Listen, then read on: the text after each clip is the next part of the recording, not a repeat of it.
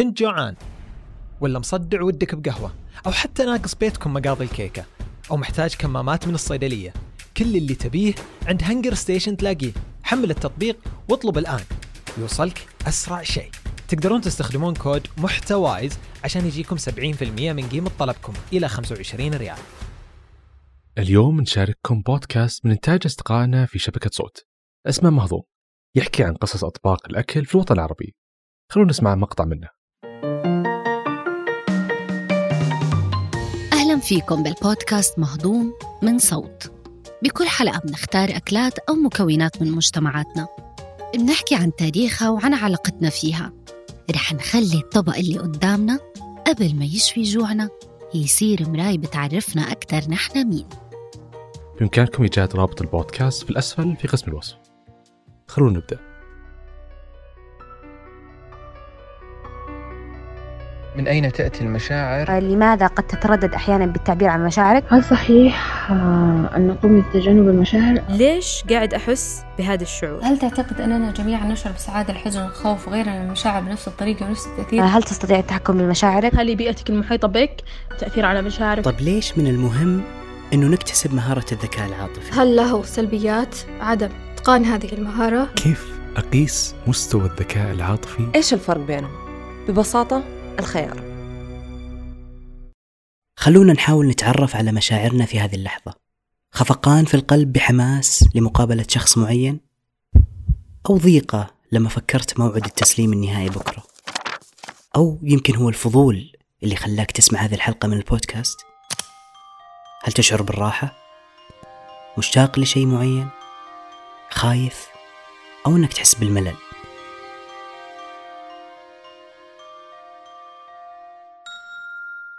يا حبيبي الشعور مرة مبسوط مرة مرة مبسوط. سعيدة. يعني الشعور اللي أشعر فيه الآن هو أم أقدر أقول إن ما في شعور محدد. فشعوري السعادة الهدوء روقان. أشعر بارتباك. كذا قلق كذا شوي. هذه المشاعر المختلفة اللي سمعناها هي مرة مهمة بالنسبة لنا. والتعرف عليها والإحساس فيها أكثر أهمية. بعضنا يشعر فيها بشكل واضح مرة في حين أن الآخرين ما هم قادرين يتعرفون على مشاعرهم. ولكن ليش من المهم أصلا أن الواحد يحدد مشاعره ويتعرف عليها؟ السبب في هذا ببساطة أنه راح يساعدنا في معرفة ليش نشعر بعض الأحيان ببعض الأعراض المفاجئة. مثلا لما الواحد يكون سعيد يشعر بانشراح في الصدر. أو لما تكون متوتر يبدأ ينبض قلبك بشكل سريع. أو لما تكون معصب يحمل وجهك. أو لما تكون خايف تحس بألم في البطن ورعشة. كل هذه الأعراض تنبهك بمشاعرك الآن. بدون هذه العلامات ما راح تتعرف على شعورك. تخيل مثلا أنك ما تحس بضيقة صدر أو كتمة لما تكون حزين. هل بتعرف أنك حزين أصلاً؟ من أين تأتي المشاعر؟ فأعتقد المشاعر تأتي من القلب. آه طبعا الدماغ. آه أتوقع المشاعر تيجي من الروح. أعتقد أنها تأتي من الروح. تأتي من الروح. بس هذا الكلام ما هو صحيح. هو صح إنه ممكن نحس بتغييرات في قلبنا بس هو نفسه ما هو المصدر. القلب تحت تأثير المخ. زي مثلا لما واحد يفكر كثير وهو متوتر ودقات قلبه تزيد لدرجة إنه يحس بكتمة. بس هذا لا يعني إنه القلب هو المصدر. وهذا المثال ينطبق على جميع العواطف. حتى آخر البحوث العلمية أثبتت إنه المخ هو مصدر جميع المشاعر. الزبدة إنه قلبك ما هو المصدر. مصدر العواطف هو المخ. هل تستطيع التحكم بمشاعرك؟ نعم أستطيع التحكم بمشاعري لكن طبعا ليس مطلقا. لا أنا أشوف أنه من ال... ليس من الذكاء إني أتحكم في مشاعري. طبعا أقدر أتحكم بمشاعري بس يعتمد على إيش هو الشعور بالضبط. لا نهائيا مدري أحس المشاعر هذا شيء غير إرادي يعني. إلى حد ما أيوة. هو صعب قليلا بس قد ما أقدر أحاول إني أتحكم فيها. هل الإجابة اللي سمعناها صحيحة؟ حتى نعرف. خلونا نتخيل في صديقين من الطفولة. اسمهم محمد وعبد الله يقضون معظم وقتهم مع بعض. مع ذلك محمد يختلف جدا عن عبد الله محمد شخص انفعالي وعصبي. أتفه الأمور توديه لحالة من العصبية والقلق. وحتى الصراخ. يتأثر بكل شيء حوالينه الزحمة السر الطويل على القهوة وحتى ذاك الشخص كثير الأسئلة بالمحاضرة. يعني مزاج وسعادة محمد متأثرة بشكل مباشر ويومي بالأشياء اللي تصير حوالينا. أما عبد الله عكسه تماما. ما يخلي أتفه الأمور تأثر عليه. يقرر إيش يحس وعنده المقدرة إنه يتحكم بنفسه بشكل أكبر من محمد. طيب إيش الفرق بينهم؟ ببساطة إيش شارع أبوي إيش عندك؟ لا توقف. الخيار. التحكم بمشاعرك يعتمد بشكل كبير على الخيار. هل أبغى أحس بهذا الشعور أو ما أبغى؟ الموضوع بيدك. في الكثير من الكتب والأبحاث عن المشاعر وكيف نتحكم فيها بشكل إيجابي لكن مع ذلك الكثير من الناس يعاني من التحكم بهذا الجانب من حياته. ليش؟ التحكم بالمشاعر بشكل فعال بالواقع يشبه بشكل كبير تبني عادة أو موهبة. فهي بكل بساطة تحتاج تدريب عشان تتحكم بمشاعرك بشكل أحسن. جزء المشاعر في الدماغ The Limbic System هو من أقدم الأجزاء في الدماغ مقارنة على سبيل المثال بال prefrontal cortex المسؤول عن التفكير. المهم أول حاجة ال limbic system كل المشاعر والأحاسيس هو المسؤول عنها اللي هو ال limbic system ولأن الجزء المسؤول عن المشاعر كما ذكرنا أقدم فإنه بالتالي شديد القوة بالدماغ. عشان كذا أحيانا نحس أن مشاعرنا تبدأ تأثر وتسيطر على طريقة تفكيرنا. جزء المشاعر في الإنسان المتوسط فعال بأكثر من 6 بليون مرة من جزء التفكير. بس مو مشكلة. في أربع خطوات ممكن تتبعها حتى تتحكم بمشاعرك بشكل أفضل. الخطوة الأولى هي الوعي. إذا ما كنت واعي في حالات غضبك وانفعالك الزائد عن حده كيف ممكن تتحكم فيها؟ فبالتالي دائم راقب مشاعرك. فلما تشعر بالغضب مثلا قل أنا الآن معصب. هذا راح يخليك واعي أكثر. عندما نتكلم عزيزي المتابع عن الوعي بالمشاعر فنحن نقصد أنك أنت تلاحظ وتراقب وتعي المشاعر اللي أنت تعيشها. وبالتالي تعرف أنت شنو المشاعر اللي عايش فيها في حياتك. الخطوة الثانية اعرف ليش. بعد ما تعرفت على مشاعرك راح تبغى تكتشف ليش أنا قاعد أحس كذا. إيش اللي سبب الإحساس هذا جواتك؟ أكيد ممكن يكون في مليون سبب. وعشان تعرف لازم تسأل نفسك زي لما تسأل صديقك. إيش المشكلة؟ إيش اللي خلاك تحس كذا؟ عقلك بيدور على الجواب بشكل سريع. الخطوة الثالثة طب إيش الحل؟ بعد ما عرفت الآن السبب كيف ممكن تتحكم مشاعرك؟ زي ما قلنا أفكارك تقود مشاعرك فإذا كنت تحس بإحساس سيء فأفكارك على الأغلب ممكن تكون سيئة وهي اللي خلتك تحس بالإحساس هذا لهذا نجد أن الأشخاص الذين يستطيعون تغذية عقولهم دائما بالصور والأفكار الإيجابية يحققون من النجاحات والإنجازات ما لا يستطيع أن يحققه من يستسلم لواقع سلبي ويقضي معظم وقته وهو يفكر في السلبيات. فإذا بديت تدرب نفسك بالتفكير بطريقة مختلفة خلال شعورك بالحزن مثلا راح تبدأ تشعر بشكل أفضل. فالشيء اللي تركز عليه دائما يتوسع. الخطوة الرابعة والأخيرة اختار طريقة انفعالك. ممكن تكون الخطوة هذه الأصعب. الطريقة اللي ننفعل فيها ونتحكم فيها على مشاعرنا هي عادة. ما قد لاحظت أن الأشخاص اللي يتوترون على أي شيء حرفيا ينفعلون على أي شيء فهم خلقوا عادة الربط بين موقف ما يعجبهم بالانفعال الزائد عن حده فمشاعرهم سيطرت عليهم. تعلمك عن تحديد مشاعرك والتعرف عليها وفهمها واختيار الانفعال المناسب لها مو بشي تقرر تتدرب عليه يومين بالأسبوع بعد الغداء لا هو عبارة عن جهد مستمر وتهذيب للنفس تبنيه في داخلك إيش راح تختار؟ تتحكم أو يتحكم فيك؟ هل لبيئتك المحيطة بك العائلة الأصدقاء الجامعة العمل تأثير على مشاعرك؟ نعم أنا أشوف آه، بلا شك بلا شك. طبعا لهم تأثير مرة كبير علي خصوصا لما يكونون قريبين مني مرة. البيئة المحيطة بي آه، لها تأثير في الموضوع. نسبي يختلف من شخص لشخص بشكل عام لها تأثيرها نعم أعتقد البيئة لها تأثير كبير على المشاعر. طبعا يعني آه، البيئة تأثير مرة كبير علي. الإجابات اللي سمعناها صحيحة. لكن ليش؟ وإحنا مشغولين نفهم مشاعر الآخرين. ننسى بالعادة شيء مهم أو حتى أكثر أهمية مشاعرنا. طيب ليش مهمة لهذه الدرجة؟ لأن مشاعرنا معدية. لما نقول المشاعر معدية أول شيء يجي في بالنا هي انتقال المشاعر السلبية وتأثيرها على اللي حولنا. لكن هذا الشيء مو في الغالب صحيح. ممكن ننعدي من السعادة وحماس شخص آخر. الباحثين لقوا أن الأشخاص اللي يتلقون أو ينعدون بهذه المشاعر الإيجابية ينظر لهم وينظرون أنفسهم على أنهم أكثر تعاون ومتقبلين للمواقف في حياتهم اليومية. ببساطة لما تقعد مع ناس سعيدين راح تشعر بالسعادة. حبك للحياة راح يزيد وراح تحس بضغوطات أقل.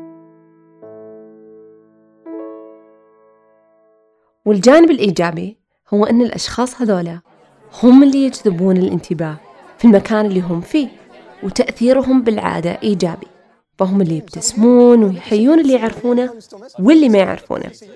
وهم أيضا الكوميديين اللي يغيرون الجو في المكان اللي هم فيه. ونفس الشيء ينطبق على المشاعر السلبية. إذا اللي حولك أشخاص سلبيين راح يأثر عليك بشكل سلبي. وبالجانب السلبي ممكن يكونون هم الأشخاص كثيرين الحلطمة. كل شيء يتكلمون عنه سلبي. يخربون الجو بسلبيتهم ويجلبون الإحباط اللي حولهم. نقطة البداية هي أنك تنتبه على مشاعرك في المواقف المختلفة ومع أشخاص مختلفين. فإذا شفت نفسك سعيد ومتفائل ودخلت مكان وتغير مزاجك للأسوأ فهذا أكبر علامة إنك سمحت لمحيط هذا المكان إنه يأثر عليك. ويشحنك بالطاقة السلبية. وإذا كنت متوتر وعصبي مع شخص قريب منك أو أحد عائلتك ولقيت نفسك سعيد لما تبعد عنهم فهذه علامة ثانية. واللي تبون تسوونه سووه. فإذا تعلمت كيف تتعامل مع هذه العلامات وتسيطر على مشاعرك حولها راح تكون النتائج مرضية بالتأكيد. ماذا تفعل لتجنب مواجهة الإحساس بمشاعرك؟ عشان أتجنب إحساس معين أو مشاعر معينة آه، بالعادة أصبر. على الغالب يعني أك... آكل. ممكن أطلع برا البيت بروح أتقهوى أروح أشوف لي شيء يعني. أبحث عن أي شيء يبعدني عنه. غالبا إذا كنت حزينة أروح أقص طرف من أطراف شعري ما أدري ليش. آه، أضحك أتريق على الموضوع أسوي أي شيء يلهي آه، أرسم أقرأ. أنا عن نفسي لما أحس بالضغط أو بمشاعر سلبية عندي ثلاثة أشياء ممكن أسويها. أحيانا ألاقي نفسي مشتهية آكل شيء ما آكله عادة زي مثلا إسكريم أو بطاطس مقلية. بقية الأوقات يا إنه أقعد أسمع أغاني رواقة وأطلع وأجري. للأمانة يعني أحسن شيء ممكن أسويه هو الجري لأنه دايما لما أخلص الجري أرتاح نفسيا وأدخل وأحس إنه العقدة اللي كانت في صدري أو اللي كانت في مخي خلاص انفكت يعني ما عاد أحس بالكتمة. فممكن هذا أحسن شيء ممكن أسويه. إحنا دحين سمعنا الناس إيش يسووا وأنا تكلمت عن نفسي بس إيش الطريقة الصحيحة إنه الواحد يتعامل مع المشاعر السلبية؟ الإجابة هي مواجهتها. بمعنى آخر لازم الواحد يقعد مع نفسه ويتساءل ليش قاعد أحس بهذا الشعور؟ إيش المشكلة اللي صارت؟ وكيف ممكن أحلها؟ وإذا ما كان في حل للمشكلة فلازم يسأل نفسه هل هي مشكلة فعليا؟ وإذا كانت مشكلة فعليا فقديش كبرها؟ يعني هل هي حاجة حيقعد متأثر فيها بقية حياته؟ ولا حينساها بعد مرور السنين ولا يمكن حتى يمكن حيضحك عليها بعد مرور السنين. لما الواحد يذكر نفسه إنه الحياة قصيرة والأحداث اللي تمر فيها أقصر كمان حيصير أسهل إنه يصبر عليها حتى تتحسن من دون ما يرتبك. لنفترض إنه بعد هذا كله ومع إنك مدرك إنه المشكلة مرة بسيطة برضو ما قدرت تتخلص من المشاعر السلبية. وقتها النصيحة العامة تكون سوي حاجة تحبها تخليك تشعر بالسعادة عشان تساعدك على التأقلم مع الموقف. على سبيل المثال كثير من البحوثات العلمية ذكرت أن الرياضة تساعد على انخفاض مستوى القلق والضغط النفسي. فممكن الواحد يستخدمها عشان يسيطر أو يتخلص من القلق اللي هو فيه بدلا من أنه ياكل أو ينام مثلا. لماذا قد تتردد أحيانا بالتعبير عن مشاعرك؟ أنا بالنسبة لي الخوف. أول شيء يخليني ما أعبر عن مشاعري إني أخاف. ما أعرف ليش لكن أظن جزء من المشاعر لابد تبقى حبيسة النفس. آه عن نفسي أنا ما أتردد في المشاعر أنا اللي على قلبي على لساني أقول بصراحة ولا أسكت ولا أنتظر أبدا. أحيانا أحس إني أنا ما أقدر أصيغ مشاعري في كلمات. بشكل عام صعب أعبر عن نفسي. تجاهل المشاعر. كتمها أو عدم التعامل معها بيخليها تزيد والعواقب بتكون وخيمة. الضغط القلق المستمر يجي نتيجة كتم المشاعر. فإذا كنت تظن أن التعامل مع المشاعر بكتمها وتجاهلها بينفع معك فأنت للأسف جدا غلطان.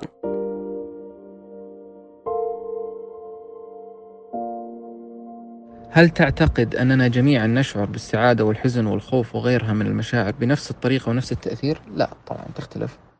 لا أعتقد أن هناك فروقات كبيرة بين الأشخاص.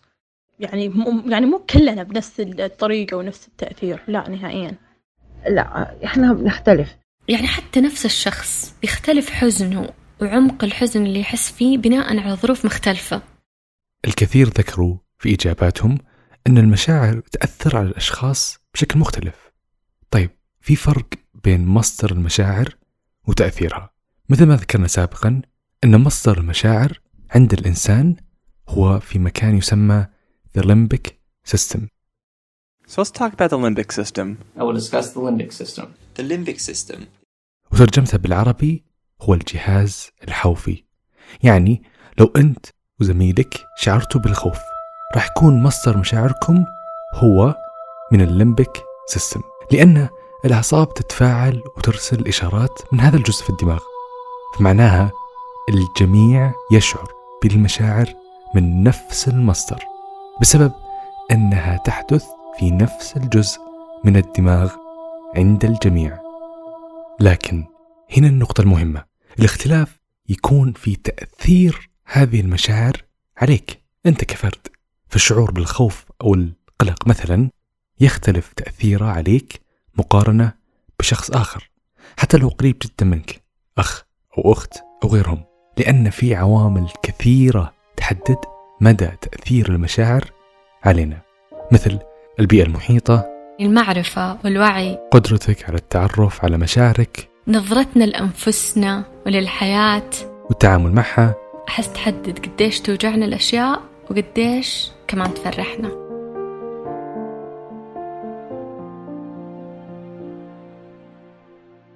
حكينا قبل شوي عن العواطف وأهميتها وكيف نتعرف على مشاعرنا.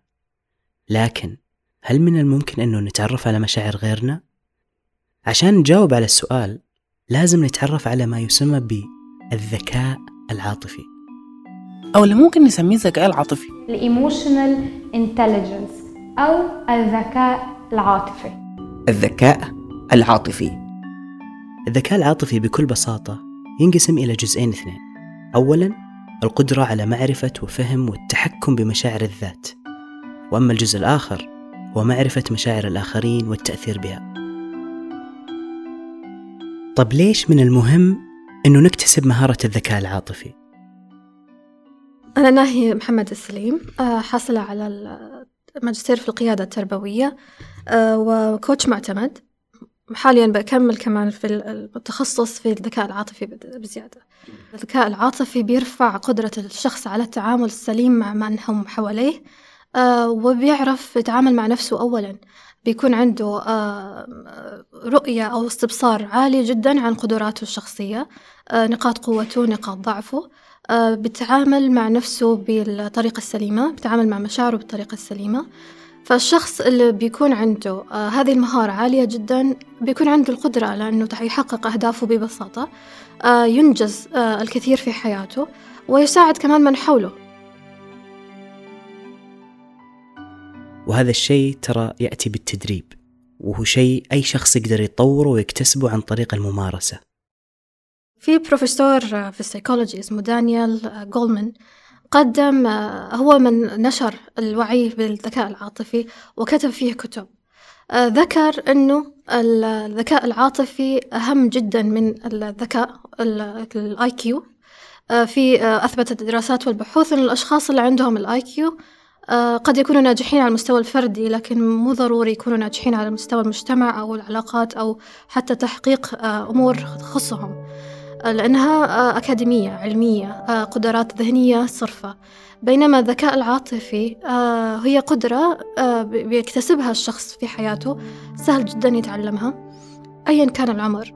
فعمر المهارة هذه ممكن يكتسب من الصغر والأفضل أنه يكتسب من الصغر لأنه بيأثر كثير على مسار الشخص في حياته. ولهذه المهارة ثلاث خطوات. أولا إدراك المشاعر وهي أنك تكون قادر على اكتشاف مشاعرك ومشاعر الآخرين والتعرف عليها خصوصا في تعابير الوجه أو الصور والأصوات والرسمات وإلى آخره. إدراك عواطفك وعواطف غيرك مهم جدا للذكاء العاطفي لأنه ببساطة هو البداية في اكتساب هذه المهارة. ثانيا فهم واستخدام العواطف. بإمكانك استخدام عواطفك أو عواطف غيرك عشان تتعرف على مشكلة معينة وتقدر تحلها. لو أنت أدركت أنك تشعر بالقلق بإمكانك استخدام هذا الإدراك لتهدئة نفسك والتخلص من هذا القلق. I choose to let go. ثالثا وأخيرا إدارة العواطف. وهي قدرتنا على تنظيم العواطف سواء في أنفسنا أو في الآخرين. يعني يمكن للشخص الذكي عاطفيا تحويل العواطف حتى السلبية منها إلى شيء إيجابي والاستفادة منها. فمثلا لما يكون الواحد خايف من الرسوب في اختبار معين أو فشل بشكل عام هذا يخليه يشتغل أكثر على نفسه. فهنا تحولت المشاعر السلبية إلى فعل إيجابي. طيب تكلمنا عن الذكاء العاطفي وأنواعه وقد إيش هو مهم. الآن التساؤل هو طيب كيف أنا كفرد أقيس مستوى الذكاء العاطفي عندي؟ في كثير من المقاييس والاختبارات لقياس الذكاء العاطفي لكن في اختبار يتم استخدامه بشكل مستمر جدا لأنه تم عمل أبحاث كثيرة عنه اسمه EQI 2.0 The EQI 2.0 assesses 10 reasons to use the EQI 2.0 to the EQI 2.0 debrief. The EQI 2.0 هو أول مقياس ذاتي عن الذكاء العاطفي وكمان في أكثر من 200 دراسة استخدمت هذا الاختبار لإيجاد نتائج ليش؟ لأن مقارنة بالمقاييس الثانية هذا المقياس يصدر نتائج أكثر صحة وموثوقية عن أداء الفرد. الاختبار هذا موجود أونلاين على الإنترنت. تجاوب على تقريبا 133 سؤال. ياخذ منك فقط 20 دقيقة عشان تكمله. لكن للأسف بحثنا في موقع الاختبار. وجدناه متوفر بمختلف اللغات ولكن لا توجد نسخة في موقعهم بالعربية. لكن سمعنا وتحدثنا مع أكثر من شخص وعرفنا أنه في كثير من مراكز تدريب ترجمت أسئلة هذا الاختبار وكمان لما تاخذ الاختبار عندهم يشرحون لك النتائج بالعربية. بس خلونا نذكر مثال عن موقف واقعي ونختبرك هل عندك الذكاء العاطفي أو لا؟ تخيل إنك بتمر في يوم سيء. طلعت من الاختبار وانت عارف إنك ناقص ورجعت البيت ولقيت أمك طابخة طبخة أنت مرة ما تحبها وكمان واحد من أصحابك سحب عليك وما قلك إنه ما حيجي إلا قبل الموعد بعشر دقايق إيش حتكون ردة فعلك؟ هل حتكلمه وتقول له إنه زعلك؟ ولا حتكتم زعلك وتلاقي حاجة تانية تسويها؟ ولا ممكن حتى تدق عليه وتتخاصم معاه عشان يضيع وقتك؟ الإجابة على هذا السؤال حتساعدك تعرف إذا أنت كنت إنسان يملك الذكاء العاطفي أو لا. مثلا في هذه الحالة مفروض تعرف تفرق بين غضبك من حاجتين. غضبك من صديقك وغضبك من الاختبار. خلينا نركز على غضبك من صديقك. هل خطر على بالك إنه ممكن صار له ظرف طارئ؟ أو ممكن كمان هو مخبص في الاختبار وطالع زعلان؟ إذا كانت إجابتك إيوة فأنت تمتلك أول صفات الذكاء العاطفي وهي الإحساس بالآخرين هذا الإحساس حيساعدك على إنك تتفهم الناس قبل ما إنك تسيء الظن فيهم وتتوقع منهم الأسوأ هل له سلبيات عدم آه، إتقان هذه المهارة على حياة الفرد؟ الأشخاص اللي ما عندهم هذه المهارة آه، يفتقدونها آه، بتكون واضحة جدا في حياتهم في مستوى الحياة في مستوى علاقاتهم بالآخرين تجدهم أشخاص انفعالية تجدهم أشخاص واضحة أنهم ما عندهم التحكم في مشاعرهم فبالتالي بتتأثر قراراتهم بتتأثر تعاملاتهم مع الآخرين تحقيقهم لأهدافهم قد يتعرقل بسبب مشاعر معينة يصعب التحكم فيها كالعصبية كالتوتر القلق هذه المشاعر إذا الشخص ما قدر يتحكم فيها قد تكون عائق كبير في حياته في استمراريته.